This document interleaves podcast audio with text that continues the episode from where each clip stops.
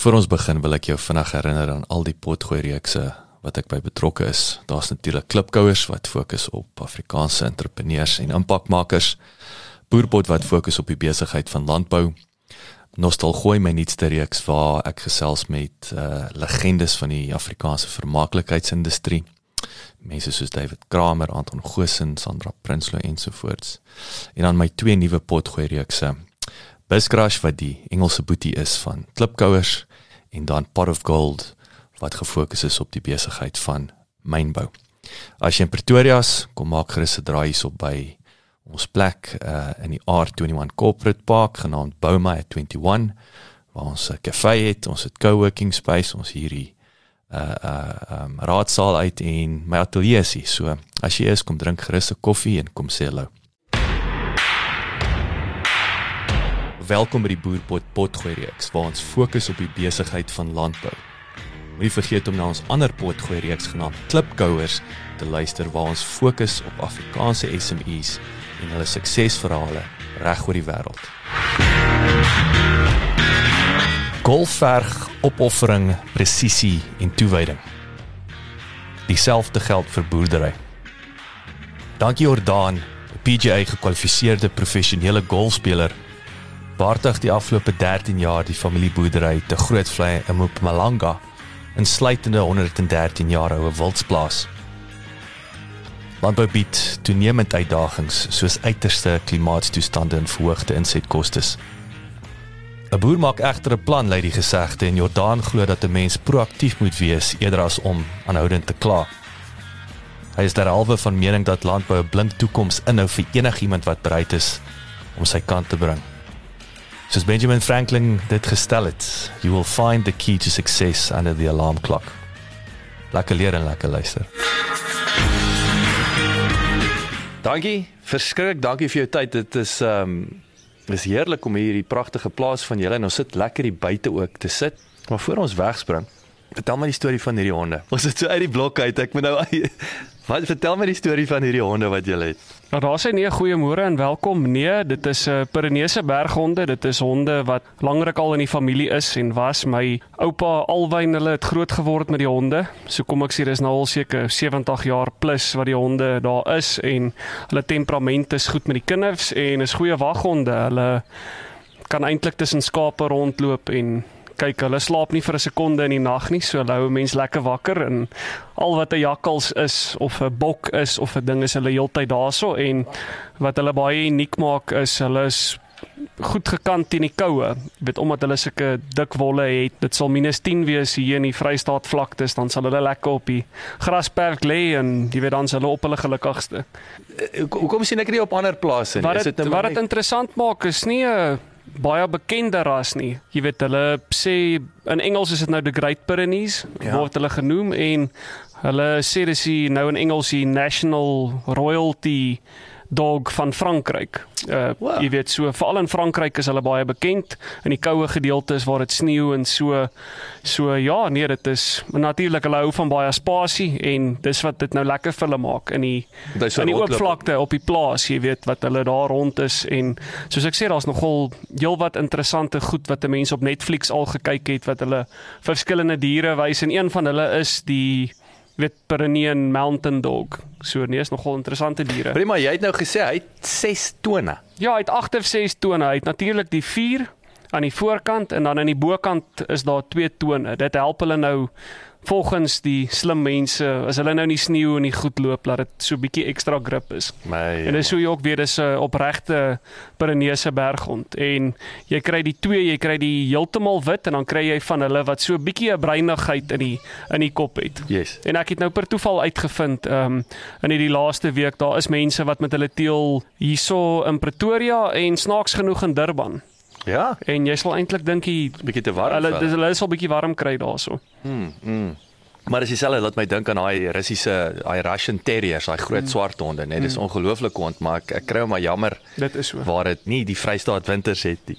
Prima, maar nou ek val nou hierso met die deur in die huis in. Uh, toe ons hier inry, hierdie geboue, is pragtige ou geboue. So hoe oud is hierdie geboue wat ek gesien het toe ek inkom? Kyk, die die wildsplaas se naam is Suns Game Ranch.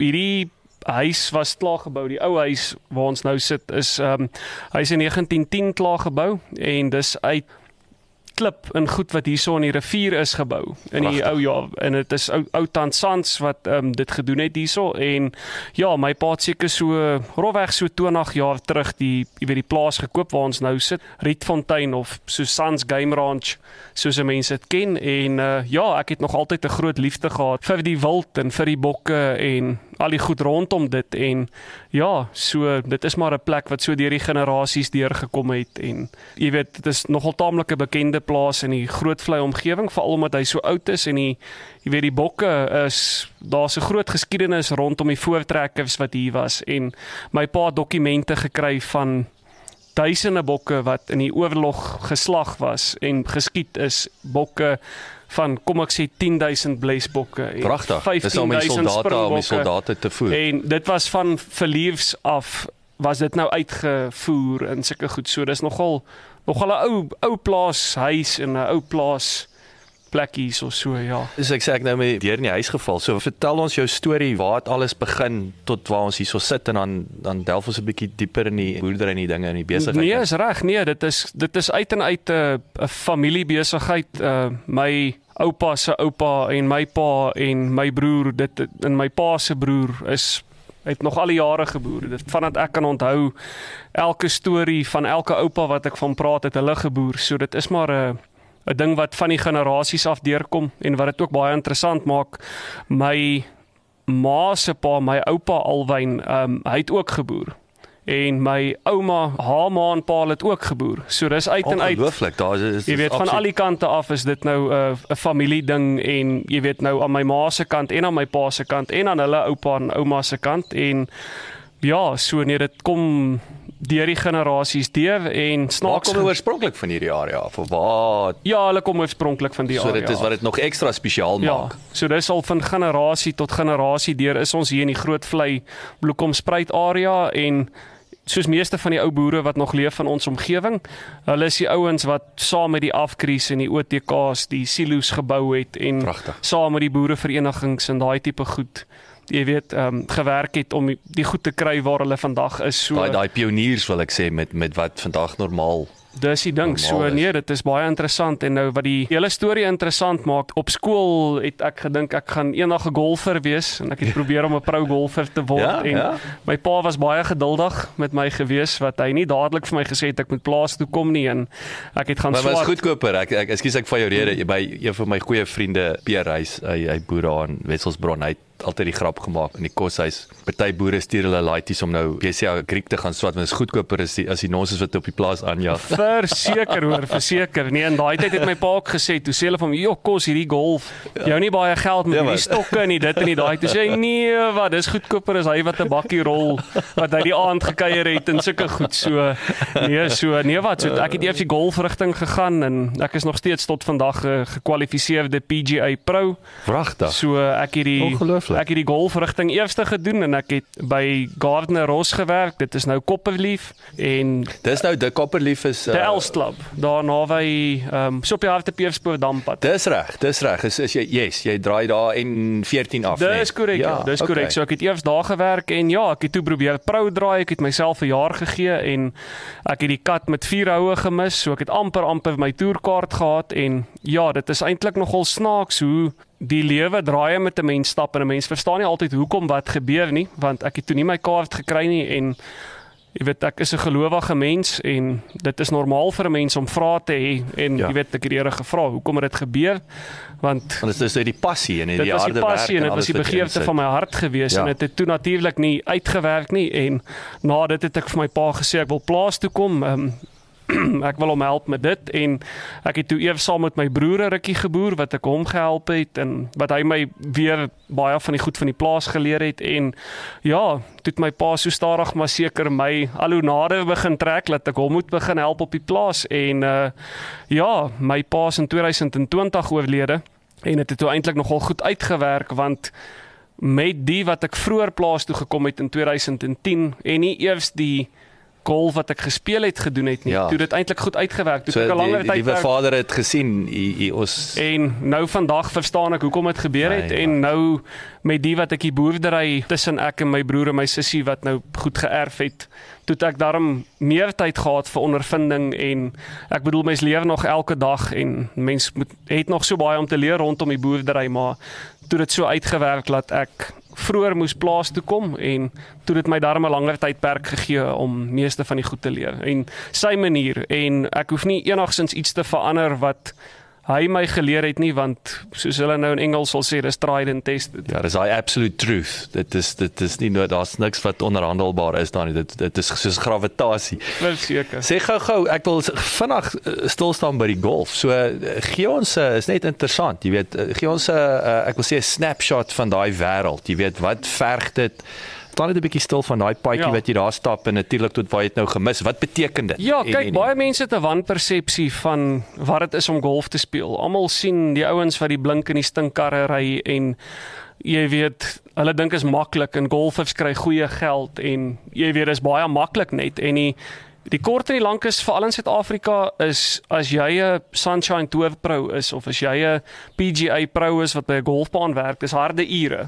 Jy weet jy moet half 6 die oggend by die golfbaan wees en jy gaan 7 uur die aand gaan jy terug en dit is wat die hele oorskakeling vir my makliker gemaak het om daar in te kom want ek was so gewoond aan daai ure as 'n kind op die plaas want jy's gewoond om vroeg op te staan Ja. jy's gewoond jou pa kom laat die aand eers terug en dis goed wat 'n mens aan gewoond was en ek het dit baie geniet um, die golfbaan waar ek gewerk het daai tyd Darren Scott en Curve Darren en die Good Morning Angels was nogal gereeld by die golfbaan gewees Dis 'n lekker ek wil sê 'n lekker vibe gewees. Dit was 'n baie lekker vibe en baie van die sportsterre, ek wat 'n Bloubil is, was dit baie lekker om Victor Matfield en Furide Pre en Dani Rousseau en jy weet Pedri Vanneberg wat nou ongelukkig ja, oorlede is. Texas, yes. Jy weet om baie skouers te skuur met daai manne en dit was vir my 'n lekker tydperk van my lewe gewees om bietjie buitekant te kom om in die stad te wees en jy weet ook goeie mense ontmoet. So ek is nie vir een oomblik spyt ek hierdie ondervinding opgedoen en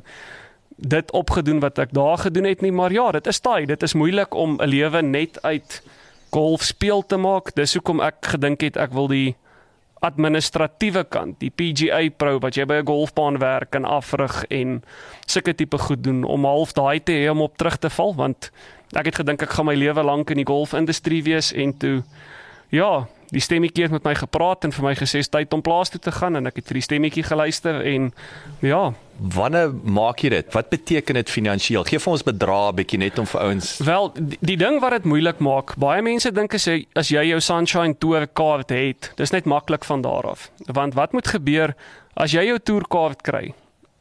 Meeste van jou toernooie, as jy jy kry verskillende kategorieë. Natuurlik jou lifelong members, jou Ernie Els en Gary Player en Louis Oosthuizen en Retief Goosen, daai ouens hoef natuurlik glad nie in hulle lewe 'n Monday qualifying te doen. Hulle is reguit in die toernooie in. Ja, ja. Maar die ding wat dit moeilik maak op die sonskyn toer as jy jou kaart kry, partykeer as jy 100 golfers, almal wat pros is en jy speel vir 10 spots. Jy weet om in te kom in die toernooi in en dan sit nog nie daar klaar nie. Dan as jy gelukkig genoeg is om in die top 10 of in die top 6 te wees, dan moet jy die cut maak. Jy weet, dan is jy 110 golfers wat baie goed is wat dan speel Yes. en dan van daar af kom ek sê jy's gelukkig genoeg om in die top 50 of 60 te wees om die cut te maak. Dan moet jy nog steeds goed genoeg wees om basies jou kostes te cover. Jy weet jy moet goed speel om daarin ook verder te gaan. En Mm. jy weet dis daar waar jy kan sien ouens wat die natuurlike talent het, ouens saam met wie ek gespeel het en saam met wie ek amateur golf gespeel het, jou jy weet jou George Coetzee en jou Dani van Tonder, ouens wat nou goed doen op toer. Dit is ouens wat net in 'n in 'n ander liga was. Jy weet So hy het die natuurlike vermoë, maar hy oefen net so hard. Nee, definitief. Jy weet die beste voorbeeld wat ek kan gee, ek het een keer in die ek dink dit was die Northern Amateur Open gespeel en JBE Creer is ook nogal 'n bekende pro golfer en hy het op die Asiese toer gespeel. Hy het die eerste ronde gespeel. Toe speel hy 'n 64 en in onmoontlike toestande en na die tyd het hy in die reën golfballe gaan slaan op die driving range en hy het self die balle gaan optel. Jy weet en toe daai dag toe kom ek agter hierdie ou gaan dit maak. Ja. Jy weet Daai hy daai commitment. hy het die commitment en hy het die talent. Ja, Want jy ja. kry ouens wat die talent het wat nie die commitment Hy het. ry 'n bietjie uh, op die talent gaan nie gebeur nie. Dis die ding en dit is dit, soos ek sê dit was vir my so goeie leefskool geweest want ek dink dit is so met ons alledaagse lewe ook of jy nou boer of jy 'n normale 9 tot 5 werk of jy nou in 'n kantoor werk of jy buite werk. Hoe sê hulle in in Engels the secret to success is underneath the alarm clock. Jy weet hoe vroeër jy opstaan, Ja. jy weet hoe hoe beter is dit en so nee, dit was interessant geweest om skouhoof te skuur met sulke ouens. Natuurlik George Coetzee wat 'n baie bekende golfer is. Hy was daai tyd al op 'n ander liga geweest en jy weet, dis ook 'n baie nice ou. Ek weet sover ek weet, as ek reg kan onthou kom hy van Afrikaans hoër af en jy weet hulle het 'n paar goeie golfers gehad wat daai tyd saam gespeel. Ja, ja, baie interessant. So jy het 'n liefde vir die plaas. Ek bedoel, was dit vir jou behalwe dat natuurlik is bomskok en ek verstaan want jy jou dis jou passie, jou Ja, ja. droom. So dis nie sommer net so maklik van okay, let kom ons vergeet daarvan nie. Okay, dit kom ons gaan neek plaas toe nie. Maar ek bedoel daar was 'n hinkering na die plaas. Definitief. Kyk, daar was altyd 'n uh, 'n liefde vir die plaas. Mense is lief vir die buitelewe. Mense het buite groot geword. Mense het saam met jou pa op die plaas rondgery. Mense het vir ure saam stroper gery. Jy weet, mense het saam met hom deur die beeste gery. Hy het jou van kleins af al die goed geleef en jy weet, die plan was altyd om plaas toe te kom, maar ja, nee, toe die toe die golfgogga my gebyt het toe toe het 'n paar ander goed by die deur uitgegaan en Ja, ja. natuurlik om terug te gekom uit plaas toe was nie 'n 'n aanpassing nie want dis ek groot geword het en dis wat ek al die jare gedoen het. Ek het vir 5 jaar die golf ding probeer, maar jy weet na dit die res van my lewe was ek op die plaas gewees. So jy's toe nou kopperlief by die Ernie Els klub, maar toe hou die dinge nou op. Jy besef jy moet plaas toe kom, maar ek hoop jy toe nou darm vir jou 'n uh, uh, jy het 'n girlfriend en 'n trouvrou daar uitgegrou. Ja, nee, so daar was definitief goeie dinge wat daarom van daar af gekom het. So ja nee, ek het in die tydperk het ek my vrou Izaan ontmoet. Ehm um, eintlik ook 'n interessante storie. Haar sussie en my sussie was beste vriendinne op hoërskool gewees. Waar is waar was hulle op hoërskool? op uh, Hoërvolksskool Heidelberg. Jy weet so natuurlik en uh, ja, ek op daai stadium het ek gesê nee, ek is te besig met werk en ek het nie tyd vir 'n meisie nie en sulke tipe goed en jy weet toe haar sussie en my sussie nou gereël vir 'n blind date en uh Jy weet het ek gesien Sumari se sussie het nou Sumari se sussie geword. Weet die die sussie van haar het bietjie ouer geword en baie aantreklik en uh ja, dis dit nou natuurlik waar ek Isaan ontmoet het en uh ja, sy is die seker die belangrikste ja, sy is seker die belangrikste een die laaste ruk van dit my pa oorlede is. En ja, sy is natuurlik die rots wat my deur hierdie moeilike tydperk gehelp het en uh ja, ek's baie dankbaar. Is ehm um, ek kan daarbey aansluit, jy weet uh, uh, ek wil sê hulle sê mos altyd agter 'n agter 'n ek wil sê die beste man is 'n is 'n beter vrou nê. Nee. En uh dit is daarom 'n wonderlike voorreg om so 'n steunpilaar veral met waar mense in ek, ek wil sê hierdie hierdie hierdie die wêreld van besigheid boerdery met so so baie onsekerhede en en goed is is uh, sterk vrouens wat wat uh, agter die manne moet staan. Ja nee, dit is so nie. Ek het nog altyd gesê ek is so bly ek het nie met myself getrou nie. Want verragtig, ek dink as 'n mens na 'n lang dag by die huis kom, na so gemounery en 'n gegrounery, Ja. is dit altyd nice as 'n mens se vrou daar is om jou positief te hou. Hoorie maar sê gou vir my, jy het nou hierdie oulike twee laities hier binne wat ek eh, die jongetjies vertel terwyl ons nou oor die vroue se so praat hoe wat wat die familie uh, dinamiek? Ja, dis eintlik baie interessant hoe dit uitgewerk het. My niggies is 'n tweeling. Ehm, um, jy weet my pa se sussie. Uh, ag my pa se broer.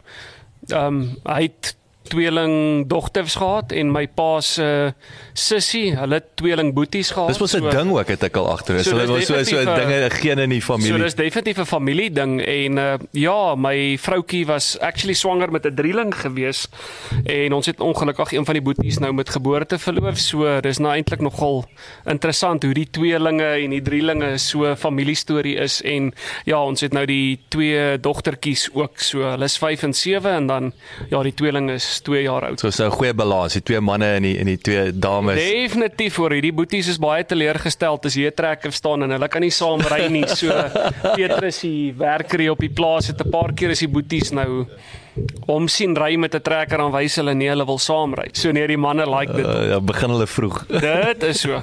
Ek wil net terugkom na na jou pa en die familie, so 'n ongelooflike geskiedenis hierso vir die familie in die omgewing.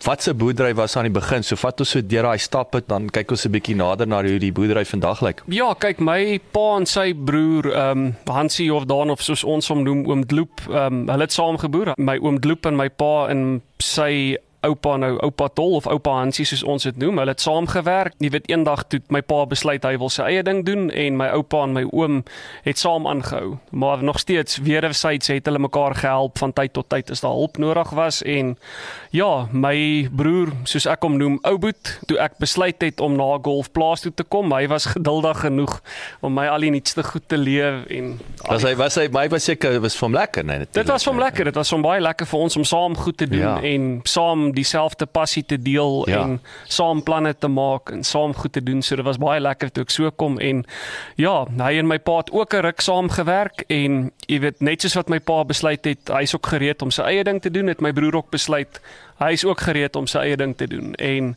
ja, natuurlik soos wat die tyd aangestap het, nadat ek 'n kort drukkie by my broer was toe, het my pa gesê nee, is nou tyd dat ek hom kom help. So Die opvolgproses wanneer dit by familieboerderye kom, word dikwels gedryf deur die ouer generasie. Die rol wat die jonger generasie vervul, is nie te min beduidend, vernaamd wat aspekte soos nuwe tegnologie betref. Dankie wat jy van mening is dat 'n mens die vrugte kan pluk deur selfs net 'n bietjie tegnologie te gebruik. Het eers saam met sy broer Ouboet en toe met sy pa geboer. Ek wou by hom hoor hoe hy die boerdery vanuit die oogpunt van twee verskillende generasies ondervind het.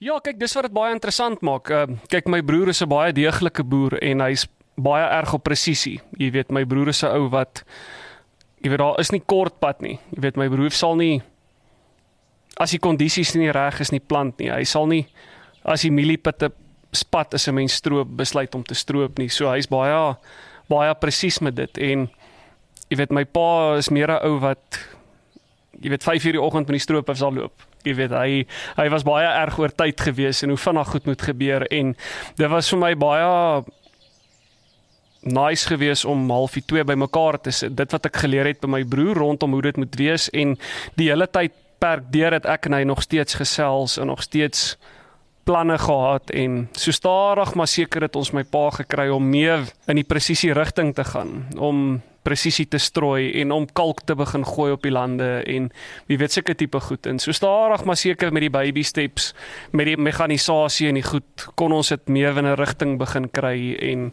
wat was daai hindernis vir so vir jou pa byvoorbeeld? Wat 'n deel van die debat het hy nie van gehou of die waarde ingesien kyk die hoofding is dis moeilik om 'n ding te verander wat werk.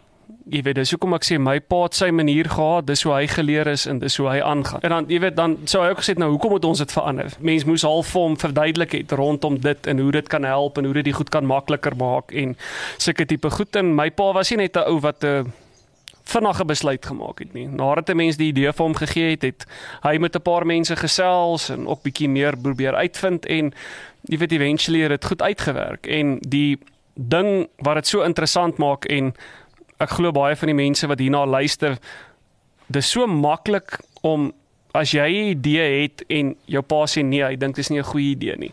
Dan dink jy nou nee, jy's nie, jy verstaan nie hoekom wil hy dit nou nie doen nie. En hoekom doen hy spesifieke goed soos wat hy dit gedoen het? Jy weet en nou dat ek in die posisie is waar hy was, daar waar hy self afsprake moes gedoen het en self mense moes ontmoet het en waar ek nou in die bestuursposisie is waar hy was, maak al hoe meer en meer sin wat hy gesê het en hoekom hy dinge gedoen het soos wat hy dit gedoen het. En hier's 'n paar boere in ons omgewing wat ook onlangs ehm um, paas verloor het en wat ook saam met hulle paas geboer het en almal sê presies dieselfde ding. En hulle sê nou dit begin al hoe meer en meer sin maak. Hoekom hulle dinge gedoen het soos wat hulle dit gedoen het en mense het so baie daaruit geleer en altyd as 'n mens boer dan voel dit nog of hy op my skouer sit vir my sê nee hy ek dink is my pa nou hier was so hy my goed uitgeding is het oor dit wat nou hierso gebeur het jy weet. So dis altyd goed om daai leiding te hê en ek is so dankbaar dat ek in die bevoordeelde posisie was om by hom te kon geleer het en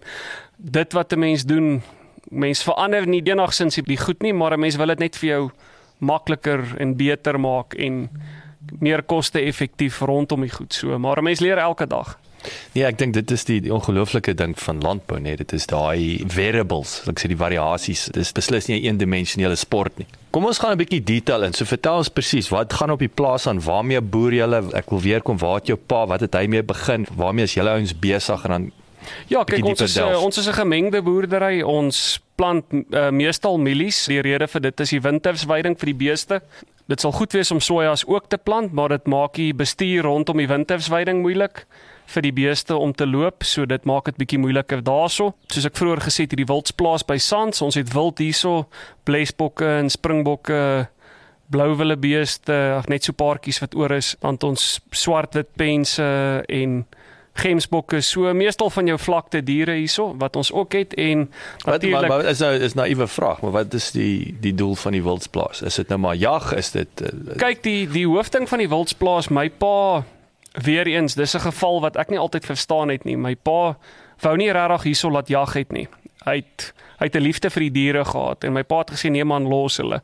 Ons moenie skiet nie. En seker so 3 4 jaar voordat my pa oorlede is het ons nooit laat jag nie. So wat dit het die bokke is baie mak en jy weet ek het nie die hele idee verstaan nie. En seker so 2 3 maande nadat my pa oorlede is het ek ingery by Sans en jy moet letterlik die hoeter druk vir die springbokke om uit die pad uit te kom. Goeie aarde. En die springbokke, jy weet, so dis so maklik is en die swart wit pense loop teen die drade hier teen die huis en jy weet toe dit vir my begin sin maak. Jy weet mens kan nie 'n prys sit by om so naby die natuur en so naby in die wild te wees en jy weet die diere is weerloos. Hulle weet nie hoe dit is vir mense om te skiet en sulke So dis ek wil sê dis sommer net verkeerd ook 'n soft target wil ek sê. Dis die ding, dis die ding, jy weet en dit is ook die, die hele geskiedenis rondom die plaas en die bokke en als rondom dit. Dis 'n uh, is iets wat my pa baie van gehou het en is iets wat ons hele gesin, jy weet, ek en my broer en my sussie al twee, jy weet ons al drie ook van gehou het en uh Ja, so dit is maar,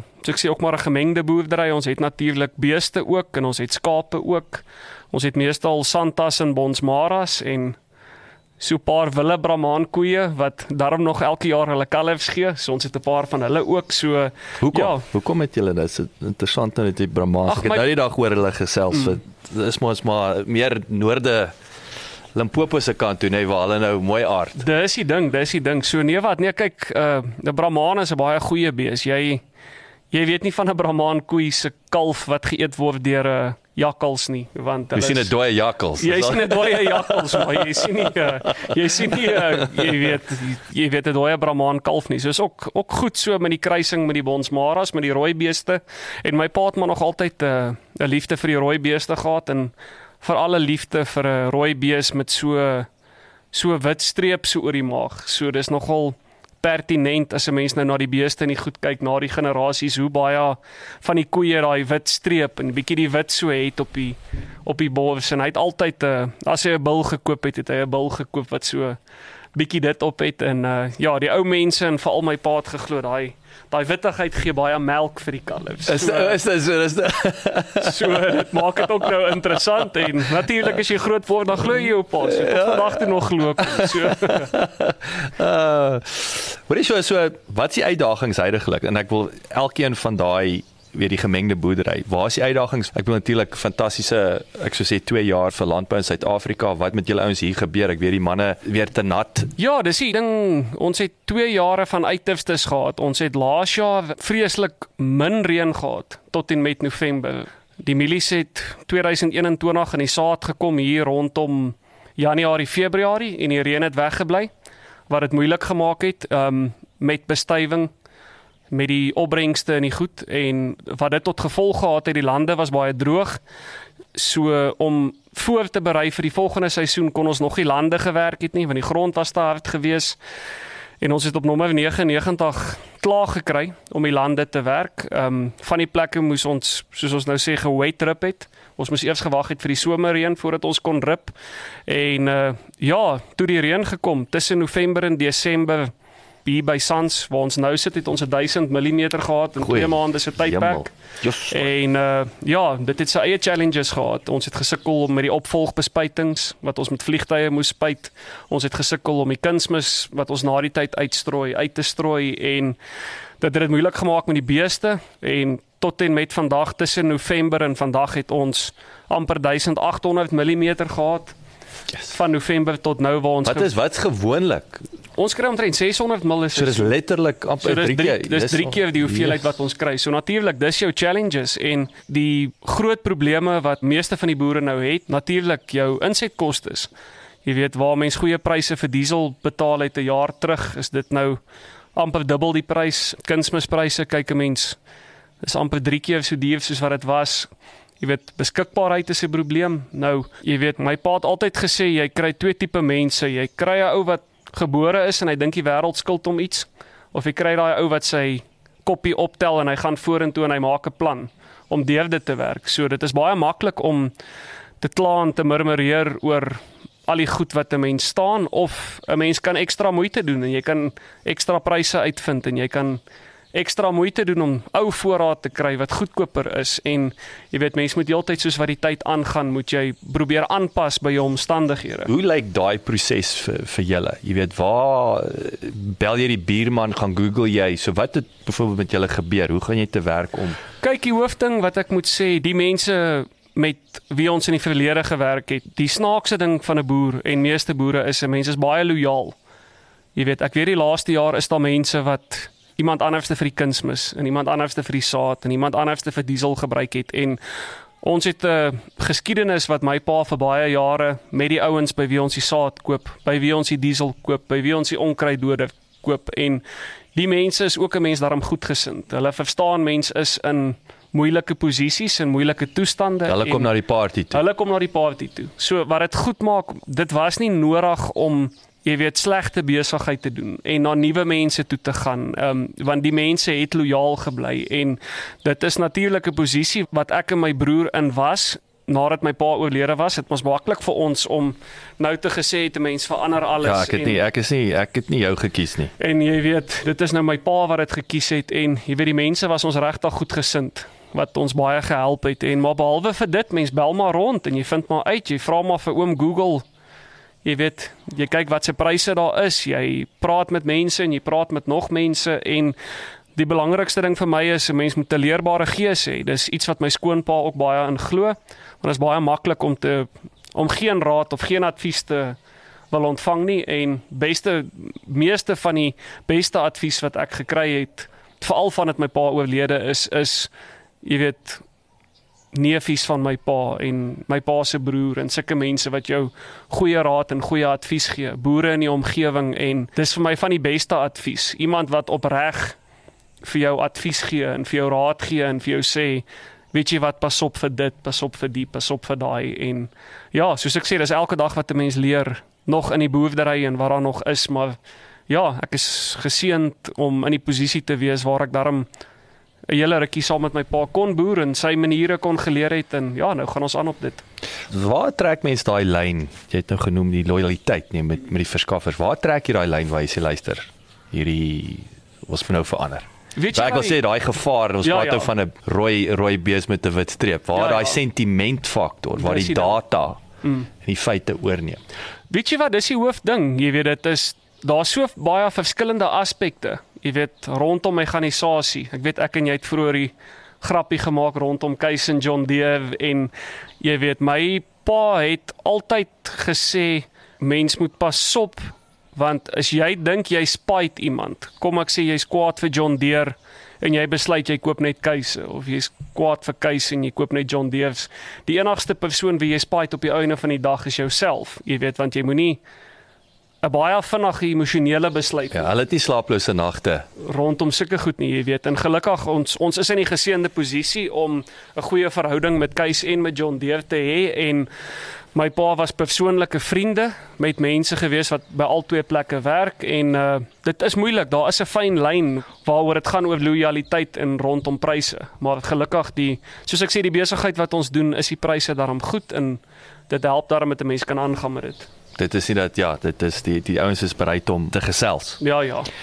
So jy het nou gepraat neefies, ooms, die deel van inligting. Hoe lyk dit hierso? Jy weet, waar kry julle julle inligting? Waar's daai proaktiewe leer proses? Waar gebeur dit vir julle hierso in hierdie omgewing? Weet jy wat 'n mens mes skiersskouers met mense? Jy weet, is interessant. Ehm um, ek het al 'n ronde golf gespeel saam met Seker jy is wil met jou speel. Ek dink jy is wil met jou speel nie. Nee, gelukkig my voorgee is laag so ek maak min punte. So dit help daarom. Dis as ek hoor jou. Nou, jy weet mense ontmoet mense op snaakse plekke. Jy ontmoet ouens en hulle gee vir jou raad en advies en tot vandag toe nog weet jy nie wie die persoon is nie. Jy weet my broer het 'n voorbeeld vir my die dag genoem. Hy het gesê daar was 'n ou oom by die koöperasie en hy het gesê hy het lande gewerk en hy en ons hou daarvan om nogal diep te rip en weet hy het vir die oom gesê nee joh hy gaan diep rip en die ou oom het so vir hom gekyk en vir hom gesê boetie die tyd vir windgatboere is verby Jy weet, my broer het gesê tot vandag toe nog het niemand hom so hard op die gat gestamp soos daai oom nie. En jy weet, hy het gesê dit het so groot effek in sy lewe gehad want dit is so maklik om goed te doen. Ek wil nou nie sê om windgat te lyk nie, maar om 'n ego te hê en te sê jy doen dit net omdat dit is en daar's nie 'n spesifieke rede hoekom Ja, jy dit doen. ja, ja, ja. En so ja, daar jy weet, mens skief skouers, mens kry vinnig 'n ou by die koöperasie of jy bel gou 'n ou vir raad en advies. So jy weet dit kom van enige plek af. Baie kere kom dit van iemand af wat jy glad nie 'n idee het wie dit vir jou sê nie en baie keer soos ek sê ek's 'n diep gelowige mens en baie keer die Heilige Gees praat met jou en die stemmetjie jy word 3 uur die oggend wakker en daai stemmetjie sê vir jou jy moet vandag soen toe gaan en jy moet daar gaan plant en mense verstaan nie altyd hoekom en waarom nie en as 'n mens terugkyk dan Yes. dan werk dit goed Val uit. alles val alles in plek. En ja, ek en my broer lag ook een oggend toe's al twee van ons 2 uur wakker. En toe gaan ek op my foon en toe sien ek my broer is online op WhatsApp en toe was ek en hy al 2 uur die oggend besig om te boer in ons kop en Nee, Martha. planne te Google en sulke tipe goed. So ja, daar's heelwat verskillende goed wat vir jou sê. En wat jy dink wat reg is, mens maak natuurlik nog steeds foute. Mens is 'n mens en mens maak nie altyd die regte besluite nie, maar is goed om te weet daar is iemand daar buite wat na jou kyk en Mm. al daai goed. Nee, verseker nee, ek kan dit nie onderskat nie. Ek wil nou weer terugkom na hierdie verskaffer ding toe. Dan kak nou vas. Nee, is reg. Dit is 'n groot kwessie. Dis 'n groot kwessie. So wat is daai uitdaging juis oor daai lojaliteit, nê? Nee? En ek sê weer ek dink julle dinamiese boere, julle is nie dom lojaal nie. Wel, daar is dink ek dom lojale ouens. Ek dink maar in enige industrie. Ek wou sê sit jouself in die skoene van 'n verskaffer wat 20% beter goedkoper is as jou huidige verskaffer maar jy weet nie hoe kom hulle by jou uit en ek het, ek moet sê ek was geskok geweest of ek herinner weer dat jy weet 60% van jou landboumaatskappye sit in Gauteng nê nee. 8% landbougrond 60% maatskappye. So al daai 60 hulle almal wil by die boer uitkom. Hoe kom ek nou by jou uit? Ek weet ek het 'n superieure produk, maar jy moet my praat nie want jy en jou jy het jou pa met die verskaffer gebraai en jy braai nou met hom.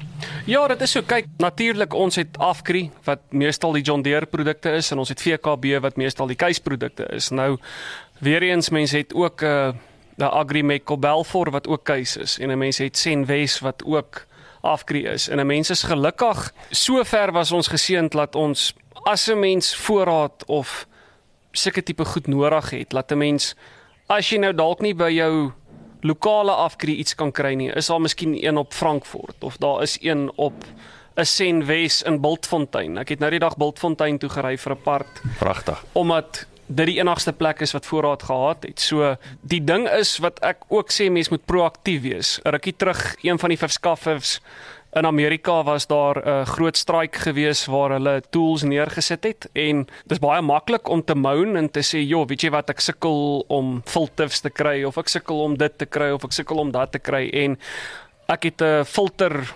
stoortjie op die plaas waar ek vir elke trekker 'n volle service kit het waar ek vir hom air filters het waar ek Jy het jou klein workshop ek het my reg. klein workshopie reg en dit het baie kere gebeur waar ons iets nodig het, dan bel ons hulle, dan is daar nie voorraad nie en dan gaan kyk ons, dan het ons so filter in die stoofkamer. So ek sê dis amper dis daai backup stok. Ja, nou kan jy sê eenou gaan vir jou sê jou kapitaal sit daar vas, maar jy sê proaktief Dis uh, die ding en die moeilikheid is veral van dit COVID gekom het, daar so gereeld prysverhogings. So dis baie maklik om te moan oor hoe die prys opgaan, maar jy weet as 'n mens 'n filter of twee ekstra het en jy's altyd bietjie vooruit, is jou pryse ook 'n bietjie goedkoper op dit. ja. Jy weet dis dieselfde met die trekkers en met die lorries en die stroopers en al daai tipe goed, jy weet dit. Dis so 'n fyn lyn om goed te beplan vir dit en die Ja, moeilikheid so is nou juist dit, nê. Nee. Jou geld sit vas daarso op 'n rak, maar mm. Wat is daai implikasie as jy glad nie die voorraad in die hande kry of daar's hierdie drastiese prysverhoging? Jy Nee, gaan dis jy gaan ding. jy gaan baie meer betaal, nê. Nee. Dis die ding en die die belangrikste ding wat ek vasglo ons deesdae nie het nie nie al die ouer mense nie, maar van die ouer mense gehad het is tyd. Hoe sê hulle nou in Engels, die window is so maak so vinnig toe.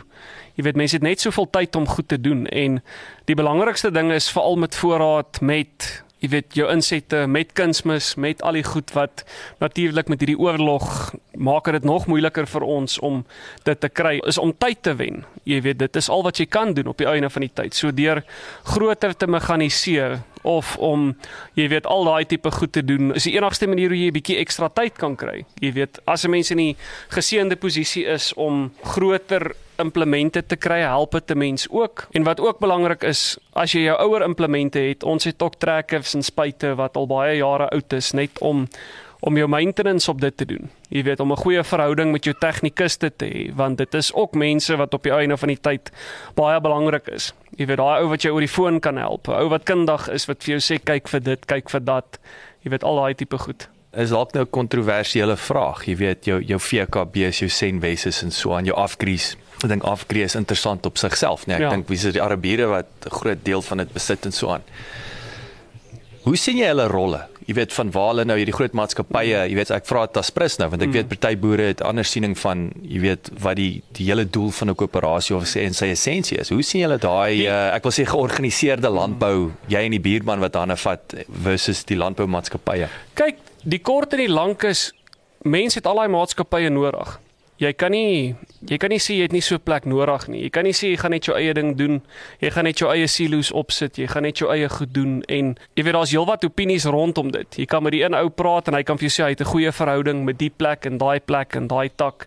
En jy kan met die volgende ou praat en hy sê hy smoor kwaad vir hulle. Hy het in sy lewe nog nooit hy wil nooit weer in sy lewe met hulle besigheid doen nie. Dit is moeilik. So weer eens soos ek sê, ons is in die geseënde posisie waar ons goeie verhoudings met die mense het. Jy weet met die graan gedeelte, die afkry gedeelte waar ons by die silo's lewe, jy weet die silo bestuurders, die mense wat hulle voorwerk. Jy weet ons is in 'n goeie posisie met hulle. Elke boer wat jy 'n onderhoud mee gaan hê, gaan vir jou 'n ander antwoord gee. Jy weet en ons, baie keer kom jy net terug na ek wil sê uh, individu. Presies. Die handelaar op die dorp is 'n poepel. En nee, dit is nee, jou en joune is nie. Nee, dit is dit is so maklik soos dit. Dis presies die ding, jy weet, en is ook mense verskil. Jy weet, mense verskil en die een ou sal sê, "Joh, weet jy wat, hierdie ou is nou regtig nice." Jy weet, "Ja, ek het die naweek saam met daai ou gebraai. Hy's hy's nou 'n lekker ou." En die volgende ou gaan sê, "Jy hou absoluut niks van daai ou nie." En dis maar hoe mense verskil op die einde van die dag en dis hoekom een ou gaan regkom met dit en die ander ou gaan nie regkom met dit nie. Landboudienste maatskappye soos Afgri, Senwes en VKB behoort beskerm te bied aan boere, asook die spesifieke uitdagings wat hulle in die gesig staar ten einde voedselsekuriteit te verseker.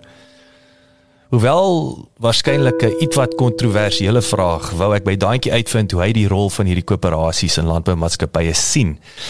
En as 'n opvolgvraag wat volgens hom die grootste voordele is wat hierdie maatskappye na die tafel bring. Kyk, die hoofding wat hulle doen, hulle gee vir jou die sekuriteit. Jy weet, as ek stroop en ek gebruik nou 'n afkrie. Ek het 'n vertrouensverhouding met hulle dat ek my graan by hulle stoor.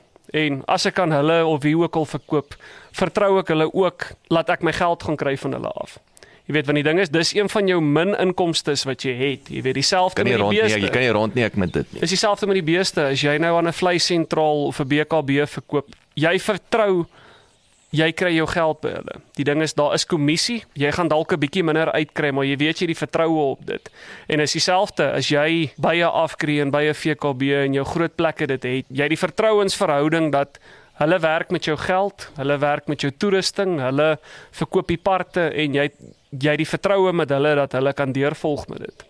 Jy weet en jy weet my pa was nog nooit te ou wat by enige rade of by enige verenigings was nie jy weet hy was nie 'n ou wat altyd op beheerliggame by die skool was nie. Jy weet my pa het gesê dis baie keer 'n slegte ding om te veel te weet van 'n maatskappy. Om presies te weet hoeveel aandele hulle het, hoeveel hulle wins was vir die jaar, want dan sien jy daai ou se winskoste en hulle kom na jou toe en hulle sê vir jou, "Sjoe, nee, dit gaan sleg. Ek hmm. kan nie aan jou iets verkoop nie." Ja. Jy weet skoenmaker hou jy by jou lees. Presies. Jy weet so baie keer weet maar net genoeg net om te weet wat is in die mark en wat gaan aan buitekant aan en ja, soos ek sê, dis maar heelwat goed wat hy my geleer het rondom besigheid en hoe om met die mense te werk wat ja, mense voor dankbaar is. Ek wil terugkom na ons juis ons gesprek oor Keisen John Deere en jy het nou gepraat van weet voorraad hou en, en natuurlik met jy weet die Oekraïne en al hierdie nonsens nou. Hoe gaan julle te werk om met hierdie voorraad tekort wat wat is die implikasie daarvan? Wat doen julle Kyk, die groot moeilikheid is met dit is tyd. Jy weet jy's baie kere om jou voorbeeld te gee met hierdie baie reën wat ons gehad het. Ehm um, wou ek 'n agtery tafel gekoop het, 'n agtery 3 voet en omdat dit 'n ligte tafel is. Ons stroop met 'n 12 ry 3 voet wat baie swaar is wat 4,7 ton weeg, so dis swaar, so die strope sit makliker vas. En ek het nou 'n 8 ry 3 voet probeer koop. Om jou 'n voorbeeld te gee, ek het amper 2 maande gesukkel want nie enige een van die mense het 'n nuwe tafel in voorraad gehad nie, want dis als verkoop en alles wat inkom is ook al verkoop.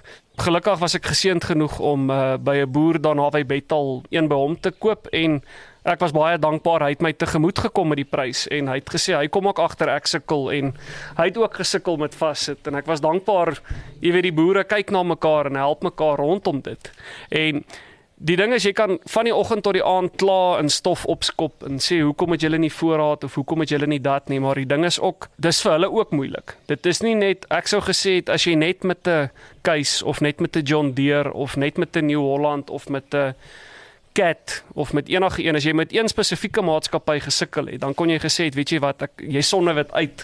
Dis nalatigheid van hulle kant af. En 'n vriend van my se ingenieur, hy sit met dieselfde moeilikheid met staal. Jy weet, jy sukkel met ander mense met ander goed ook, so ek dink dit is maar 'n 'n wêreldwye kwessie. En die ding is jy moet proaktief wees, jy moet planne maak, jy moet as daar nie 'n part is nie, laat maak die part. Jy weet, of as daar nie 'n plastiek ding is wat jy moet kry nie, gaan na 'n plek wat plastiek goed maak en maak dit daarso. Jy weet, of kry 'n ingenieur om vir jou iets te bou. Jy weet, so mens moet maar mens moet maar planne maak jy weet en dis ook waar goeie plaasbestuurders ouens wat vir my werk die ou weet Hannes by die mekanisasie en jy weet Pieter wat met die beeste werk en daar's 'n oom Chart wat rondom die bouery werk op die store en hy help die ander ook. Jy weet dis waar sulke ouens ook inkom want baie van die kere het ek nie antwoorde nie. Dan weet ek nie wat wat is die plan vorentoe en dan kom hulle met 'n idee vorendag. Dan sê hulle vir jou nee man, hoekom probeer ons dit nie of hoekom probeer ons dit nie want die ding is mense het baie vrae maar jy het nie baie antwoorde nie en dis nogal waar ek vasglo 'n goeie plaasbestuurder is goud werd vir jou. Baie interessant ek sit in die kar net op pad hiernatoe praat ek in 'n in 'n goeie vriendin van my praat ons oor plaasbestuurders Waar kry julle die ouens? En ek wil aansluit selfs by daai in een van my vrae wat ek vir laaste los en ek noem dit byvoorbeeld is daai contingency en daai succession planning. Ek weet so ek's baie geïnteresseerd ook hoe die hel jy dit vir generasies en generasies jy weet dit nie afgewater dat die ding verdwyn nie. Waar kom jy aan 'n goeie plaasbestuurder? En by the way, hoe maak jy seker hy is on top of his game? Weet jy wat, dit is die ding wat dit weer eens ook interessant maak. Soos met enige iets is daar uitsonderings op die wet, jy weet jy sal 'n ou kry wat glad nie op 'n plaas groot geword het nie, wat 'n liefde het vir die plaas wat kyk dis 'n voorvereiste ja. nê. Nee. Kyk as jy nie as jy van die liggies sou het jy 'n probleem. dis die ding, dis die hoofding. Jy weet en as daai ou besluit hy gaan Amerika toe en hy doen sy ondervinding daarop en hy het glad nie in 'n plaas environment groot geword nie. En as daai ou Amerika toe gaan en hy doen die ondervinding op en daai ou sal kom en jy sal 'n uitstekende werker hê. En in ons geval, die geval is die ouens wat vir my werk is ouens wat self op 'n plaas groot geword het. Die ou wat aan my mekanisasie gedeelte is, is 'n gekwalifiseerde John Deere tegnikus.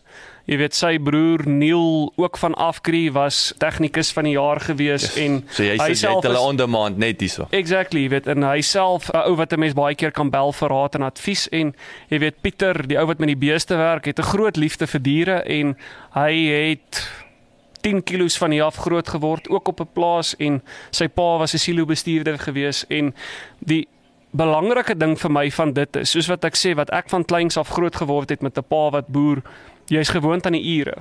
Hannes die ou wat vir my werk het ook al gesê nee horlosie is net om te sien wat se dag dit is en wat die datum is as jy goed moet teken.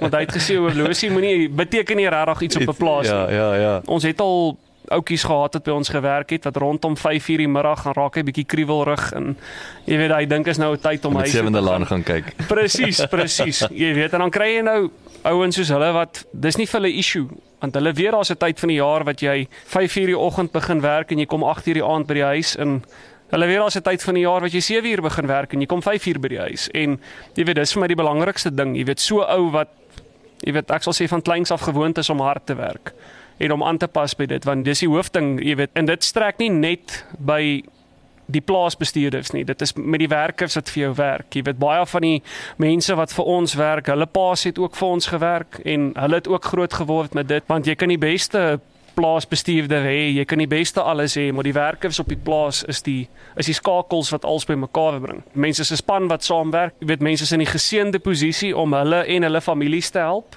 Jy weet want ongelukkig daar soveel wanpersepsies van mense daar buite rondom hoe hulle dink boere met hulle werkers werk en sulke tipe goed. Jy weet hulle weet nie van daai Saterdagmiddag wat jy 'n werker hospitaal toe vat en een van 'n werker se vrou wat se kind vroeg kom en jy jaag met daai kind hospitaal toe en jy weet dis wat vir my die slegte ding is. Hulle weet nie altyd van daai ekstra moeite wat 'n mens doen vir hulle nie en betaal die studies, betaal die skool. Ek bedoel daar's daar's so baie stories nê. Nee. Ja. Jy weet jy gee vir hulle al die goed om hulle te help met dit, jy weet en dis ongelukkig die wanpersepsie wat die mense het rondom hoe veral boere met hulle werkers werk, jy weet en is of hulle sien net minimum wage. Hulle sien net minimum wage, jy weet. So weer eens as 'n mens goed na hulle kyk, kyk hulle goed na jou, jy weet en dis die dis die belangrikste ding op die einde van die dag.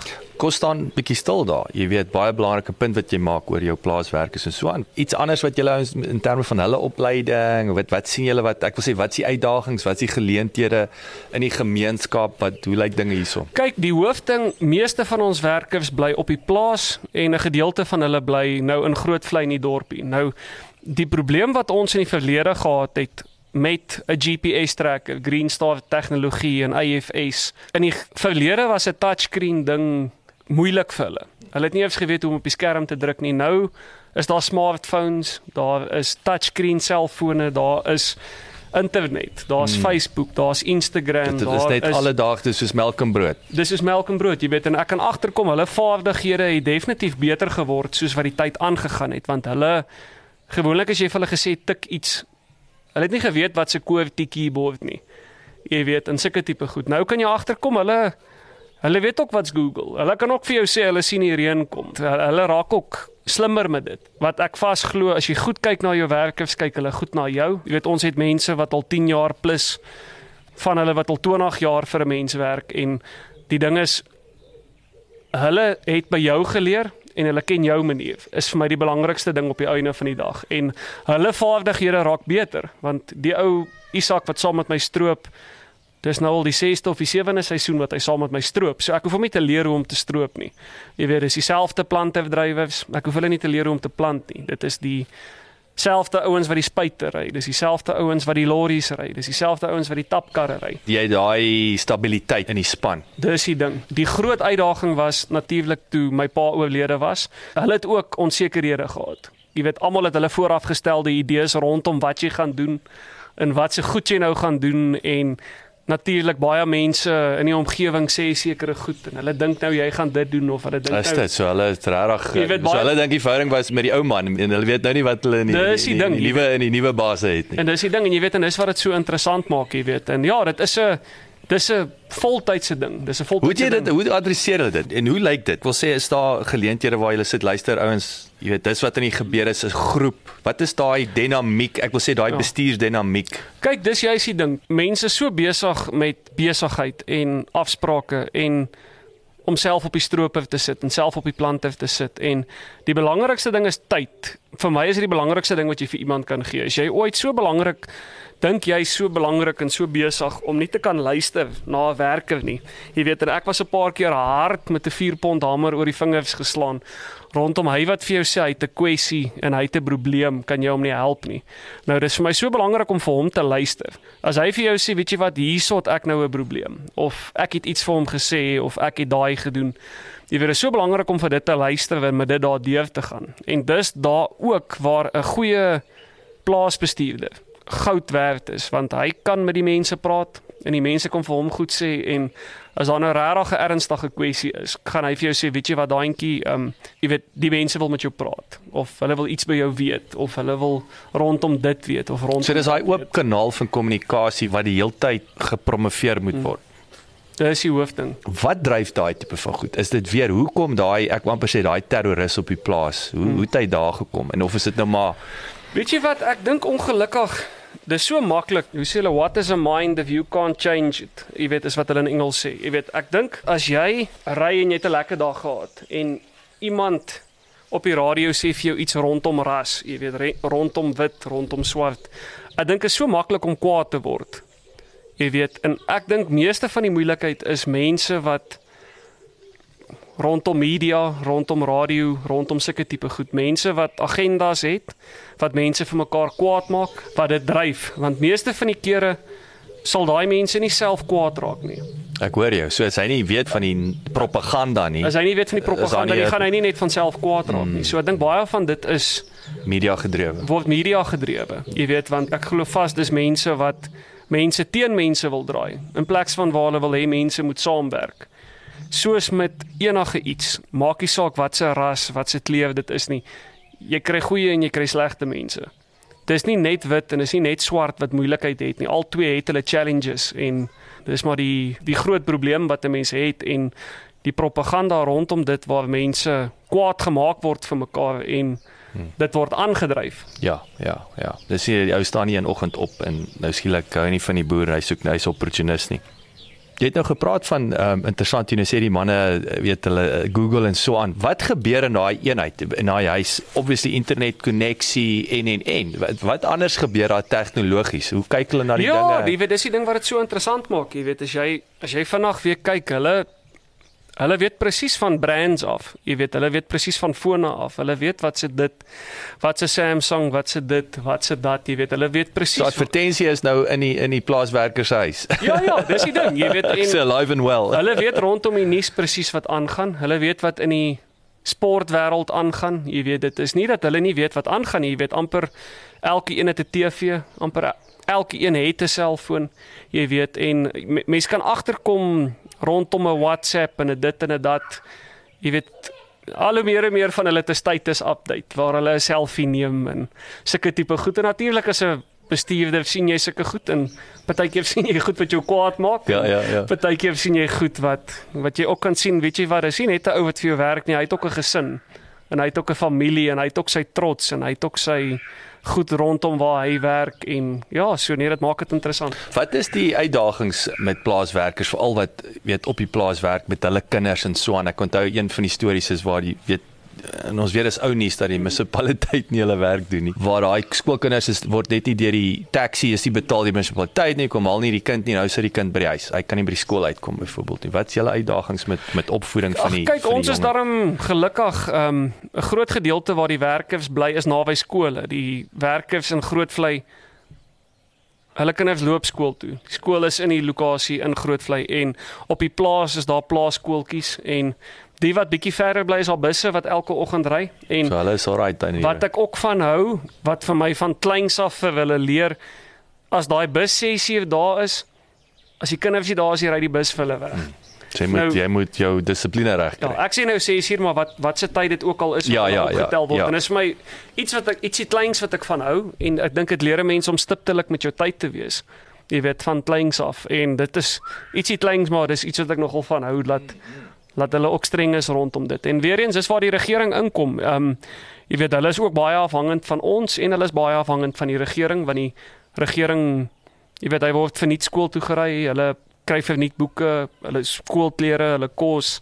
Jy weet al daai goed is vir nie en ten minste help hulle hulle in daai opsig. Mm, mm, mm. In terme van van julle mense ook hierso, hoe balanseer jy daai die mekanisasie, nê? Nee, ek wil sê wat tegnologie. Ek sê nou die dag vir ouens ook, jy weet, mekanisasie beteken nie altyd daar gaan jy hulle werkers mag. Dit beteken natuurlik daar gaan 'n persentasie van jou werkers mag moet gaan, maar dit is die tipe werk verander. Het ons nog gepraat van touchscreens. Ek sê ek maak altyd die grap van dit weet trekkers van die toekoms gaan self homself ry. Die trekker bestuurder van nou van die toekoms gaan moet weet om ek wil sê die komputer die interface te kan werk om die, om die, om die trekker in die land te kry. Nee, dit is so. en om terug te kry of om dalk te charge by sy elektriese punt, jy weet. Nee, definitief. Ehm um, wat is hoe, hoe sien julle daai daai dinamiek wil ek amper sê? Kyk, die ding wat dit moeilik maak, ehm um, daar's sulke fyn marges met enige besigheid. in die landbousektor heidaglik met dit soos ek sê wat insetkoste is wat duur geraak het en die ding is jy kan nie bekostig om 'n fout te maak nie. Daar's menslike foute. Jy weet, dinge gebeur vinnig. Jy weet, as jy 'n gedeelte doen teen die tyd wat jy die fout agterkom, kan dit so groot fout wees. Het sy as jy te veel kunsmis gooi of as jy te min kunsmis gooi of as jou gif te sterk aangemaak is of jy spuit te veel teen die tyd wat jy die fout agterkom, jy kan nie sulke foute maak nie. Jy weet, dis nou waar die nuuter tegnologie inkom. Jy weet, ons het hierdie jare 'n presisie strooiers wat ons geïmplementeer het wat load cells het en ons het ek het 'n voorbeeld ek het vir die ouens dit gestuur. Die een land was 300 hektaar en jy weet kom ek sê ons het 100 kg kunsmis gegooi en op 300 hektaar was ons 20 kg een checker sakkie uitgewees met ons kunsmis toediening. En die ding is as jou as jy vir argumente onthaalwe nie die regte wyte strooi nie en jy strooi nie wyd genoeg nie of jy strooi te wyd het jy opbrengste wat nie baie goed is um, want jy kry nie die ekstra opbrengs as jy te veel of te min strooi noodwendig nie en dis nou waar sulke goed inkom wat dit net beter maak jy weet dieselfde jy weet dis al ou tegnologie om 'n GPS te werk maar as jy lande werk en jy rip jou lande as jy net 'n halwe meter elke keer te veel of te min rip, het dit so groot effek op jou dieselrekening en op al daai tipe goed. So daai help 'n mens net om bietjie fyner op dit in te gaan. Jy weet en dis die die presisie kant rondom jou grondontledings, dit het 'n groot effek op dit. Ehm um, en dis waar jou kunsmis ouens en die ouens wat jou kalk doen en sulke tipe goed ook 'n effek het want dit is so so belangrik om ek wil sê elke liewe sent uit jou opbrengste probeer druk. Jy weet, deur proewe te maak, deur seker te maak jy plant die regte kultivar of jy plant die regte kleurmielie. Het sy wit, het sy geel. Jy weet, kyk natuurlik elke boer in Suid-Afrika se opset is anders. Ek dink nie een ou gooi dieselfde hoeveelheid kunsmis en het dieselfde bewerking en werk ewes diep nie, maar elke ou weet wat werk vir hom. En die presisie gedeelte maak dit net meer koste-effektief en dit maak dit net bietjie makliker om by goed uit te kom. Dit is nie altyd moontlik om by alles by te wees nie. Partykeer as jy tussen plase is of jy's by die beeste in die ander ou stroop of jy's besig om te plant en jy's op die spuit. Jy weet daar is nou keuse het nou AFS waar jy op jou selfoon kan ingaan en jy kan monitor waar jou spuit en jou strooier en jou stroper besig is, John Deere te my operations. Dis lekker as jy nie noodwendig by dit kan wees nie, kan jy op jou selfoon ingaan en jy kan vir die ou sê ek sien jou stroper se settings is verkeerd. Ek sien jou jy weet, ek sien jy ry te vinnig of ek sien jy ry te stadig. Ehm um, jy weet dit maak dit net bietjie makliker om te monitor.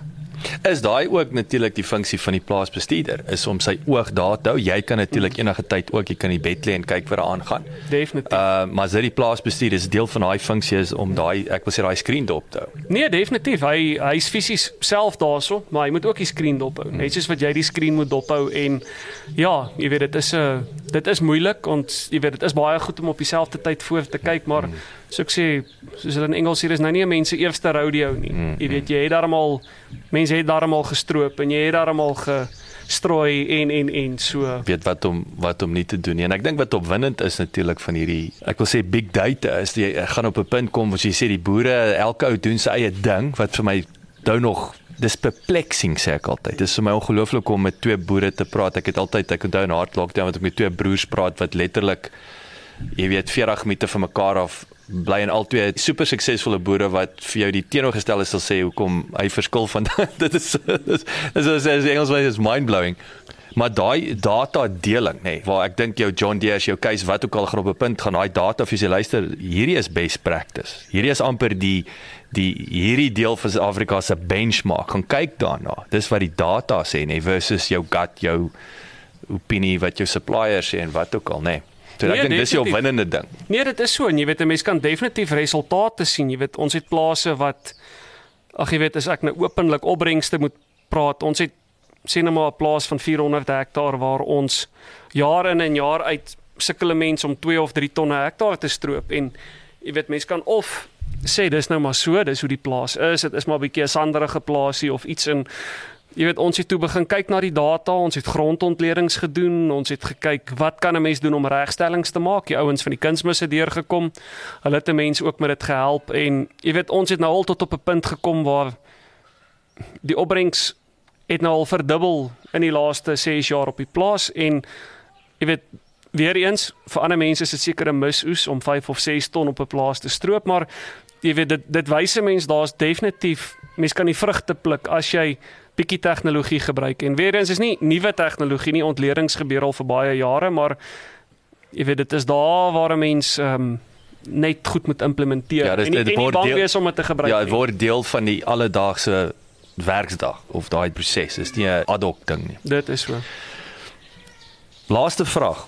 Wat maak jou opgewonde oor die toekoms? Ek bedoel daar so ek sê daar sit ons het baie uitdagings, maar wat spring vir jou? Wat staan vir jou uit van jy weet Weet jy wat ek weer eens soos ek sê ek is 'n gelowige mens. Um jy weet ek glo mense is in die laaste dae, die dinge begin vinnig in 'n rigting gaan. Jy weet die dinge gebeur baie vinnig gebeur. Ek glo vas daar is 'n goeie blink toekoms vir ons. Dit staan nêrens in die Bybel dat dit gaan maklik wees nie. Inteendeel al die goed wat gebeur word in die Bybel gesê, maar ek is opgewonde. Ek ek kom agter veral na Covid, die mense wat dit deur die tydperk gemaak het. Jy weet die ouens wat ek weet daar's baie mense wat dit nie deur gemaak het nie wat deur 'n 'n moeilike tyd gegaan het wat alles buite hulle beheer was, maar ek glo vas daar is 'n toekoms vir enige persoon wat sy kant bring, wat doen wat hy kan. Jy weet, ek glo vas jy jy doen wat jy kan en jy weet veral ek wat 'n droëland boer is, ek het nie enige spulpunte nie. Jy sit 'n saadjie in die grond Oktober of November maand en Julie maand hoop jy om te stroop. So die res is maar geloof. Jy weet ek is in geloof daarin en ek glo vas die Here sal vir 'n mens voorsien. Het sy 'n goeie oes, het sy 'n slegte oes. Um ek glo vas die Here sal na 'n mens kyk en nog meer belangrik is enige iets is vir my meer belangrik om na my medemens te kyk is na myself dan kom die seënings na jou toe terug. Beter om te gee om te ontvang hè ja. en ehm um, you reap what you sow. Verseker, verseker. Dankie, dit is verskriklik lekker om met jou te gesels. Mm. Dankie vir jou tyd en uh, sterkte met die res van die jaar. Ek uh, ek hoop dinge gaan krag tot krag. Ja, is reg. Baie baie dankie en uh, ja, weer eens sterkte vir al die boere daar buite ook. Ek weet dit is moeilike tye, maar ja, goed sal uitwerk. Baie dankie dat jy geluister het. As jy gehou het van die episode, Onthou asseblief om te deel met jou vriende en familie en baie belangrik teken sommer in dat jy op hoogte kan bly van al die nuwe episode. En besoek gerus ons Facebookblad @boerpot.